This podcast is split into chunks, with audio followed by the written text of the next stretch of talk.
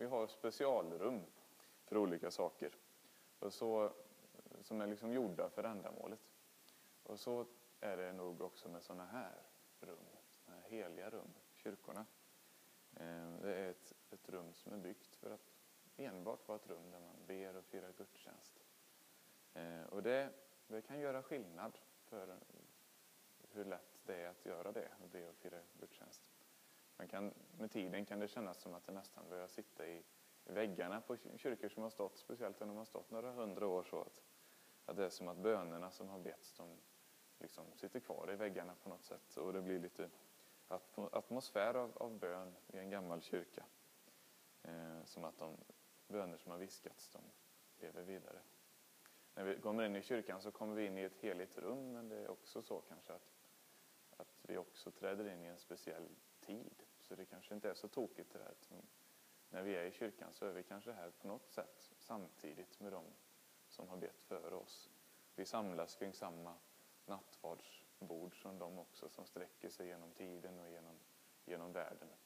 Och där vi får samlas vare sig vi är här eller på andra sidan jorden. Ehm, det är lite som att det är en speciell tid i kyrkan. Klocktiden den gäller inte riktigt. Eh, utan här råder på något sätt, här finns evigheten på jorden när man kommer in i kyrkan. Om än bara en aning av den. Då menar jag inte att det är så det känns när man lyssnar på predikningar i, i första hand. Det kan ju kanske vara så. Utan att det är någon, någon sorts kvalitativ skillnad. Att, eh, nu är, vi in, nu är man inför Gud och då finns inte tiden på samma sätt riktigt.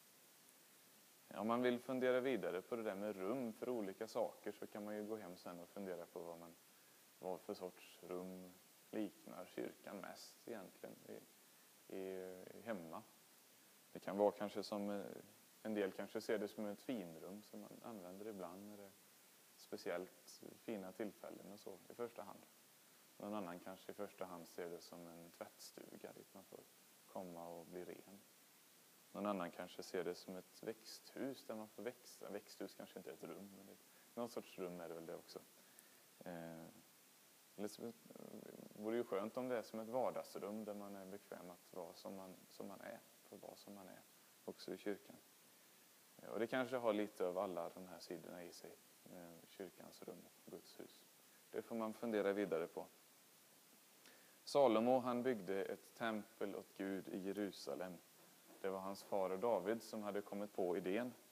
Men eh, David han fick aldrig bygga huset utan Salomo, sonen, han fick ta över.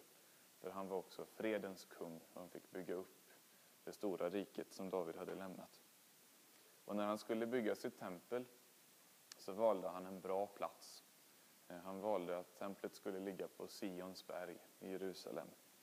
Eh, och det var en extra bra plats, för det var en plats där Gud hade visat sig, menade man. Man tänkte sig att det var här det hade hänt när eh, Abraham skulle ha offrat sin son. Man slapp i sista sekunden. Där hade Gud visat sig på ett speciellt sätt för Abraham och Isak. Och då visste man ju på något sätt att Gud var extra nära där. Då kunde man ju bygga ett tempel där. Ehm, det var en plats där Gud hade talat. Och då det är lätt att föreställa sig att himmel och jord var lite extra nära varandra just där. Det är nog så med många kyrkor och tempel runt om i världen att de eh, finns där man har anat det gudomliga på ett speciellt sätt.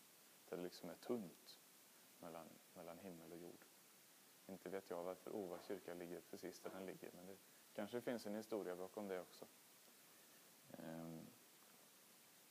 Och man kanske har egna sådana platser också som man kommer ihåg för egen del, platser som är viktiga för att där har det hänt något.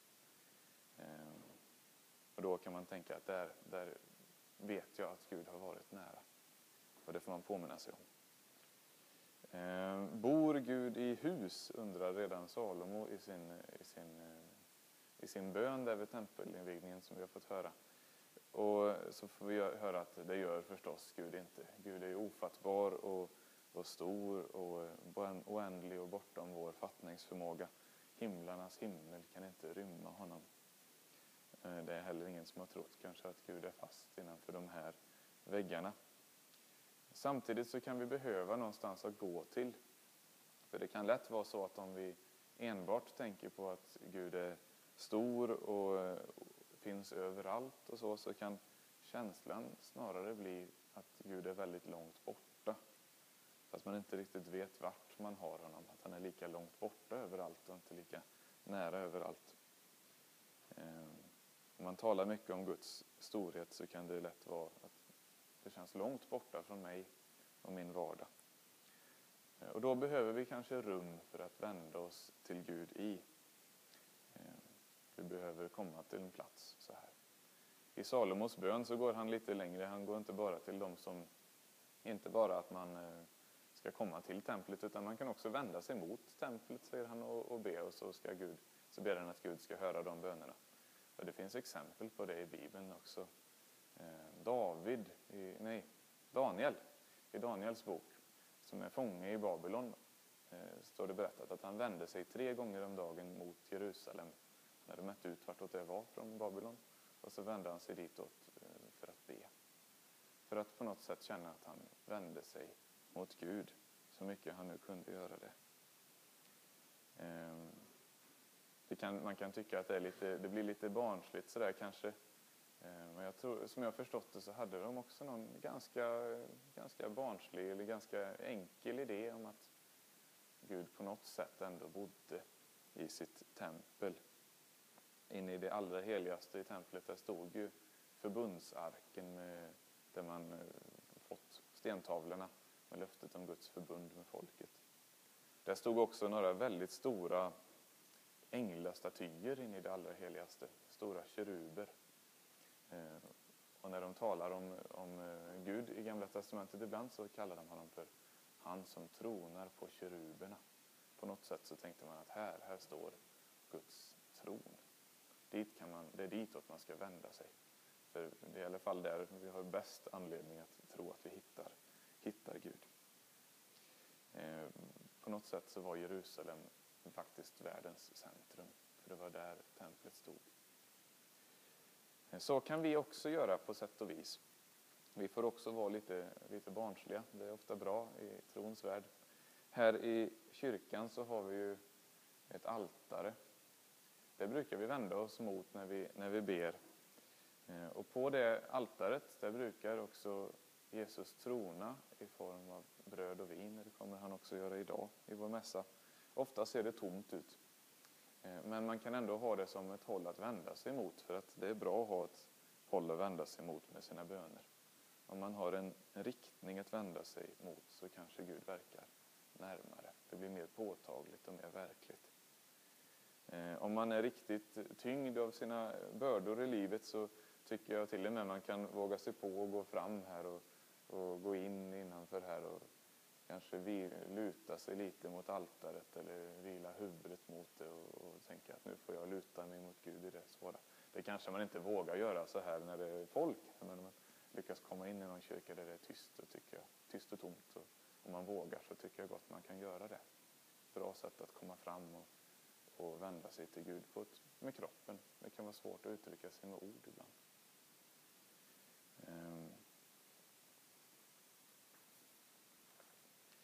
Kung Salomo han byggde på sitt tempel länge, står det också. Han byggde i sju år och han byggde ett tempel som mätte 60 alnar gånger 20 alnar och så var det 30 alnar högt. Eh, om man hängde med och lyssnade noga i evangeliet så står det att de byggde på templet i 46 år och det är för sig också sant, för det var ett annat tempel på, på Jesu tid som var ännu större. Men Salomo han byggde på sin tid ett mäktigt stort tempel och gjorde det så fint som han bara kunde. Sen står det i, texten precis efter det här med tempelbygget så berättas det att eh, Salomo han satte också igång och byggde eh, ett eget palats åt sig. Och det höll han på med i 13 år och det var 100 alnar gånger 50 alnar och gånger 30 alnar. Så han då tog han i eh, ännu mer. Så kan det också lätt vara i livet. Man är beredd att göra stora ting för Gud kanske och för vår nästa förhoppningsvis. Men kanske är vi ännu mer beredda att lägga mycket tid och möda på att bygga upp något stort och pampigt för oss själva, för att framhäva oss. Så är det med många människor. Så var det till och med med den vise Salomo. Så är det så med oss så får vi våga erkänna det, också. Ehm, Templet får vi höra det är ett hus där Guds namn ska vara. Ehm. Salomo han byggde mycket riktigt det här templet men han byggde också ett tempel åt sitt eget namn skulle man kunna säga för att göra det stort. Ehm, men det är lustigt med Salomo överhuvudtaget för han är verkligen den, den store kungen. Han är visare än David och kanske den största kungen i, i, i hela kungadynastin där. Ehm, och på ett sätt så eh, är han en föregångare till Jesus själv eftersom han bygger templet så att Gud blir så att Gud kan vara där och vila hos sitt folk. Eh, men samtidigt så påminner han också väldigt mycket om all vår mänskliga brist och skröplighet, Salomo. Eh, han påminner, samtidigt som han byggde ett tempel åt Gud så påminner han ganska mycket åt de här som byggde ett torn i Babel en gång i tiden. För att de tyckte att, eh, för att göra sig ett namn, som det står. Det var därför de byggde sitt torn. Att göra sig ett namn och imponera, det är en av de stora frestelserna i livet, speciellt kanske om man är kung, kan man misstänka. Ehm, och alla våra byggen i livet, de brukar få sig någon sorts dos av det där. Ehm, även om vi inte alltid förstår det själva kanske. Vi vill gärna göra oss ett stort namn. Ehm, men det finns en till text idag. Vi fick höra också om hur Jesus gick upp till Jerusalems tempel. Och eh, han blir arg där han ser människor som eh, skor sig på det heliga på olika sätt. Sådana som gör sig rika, kanske genom att sälja och köpa där. Eh, och han ser också de som är där för att imponera. De fanns säkert också där och då, precis som hos oss. Eh, han ser de som hittar alla möjliga sätt att verka fromma, men i själva verket mest bygger på sig själva, sin egen självbild. Ehm, och så säger han att de tempel som ni hålls i, de håller inte måttet.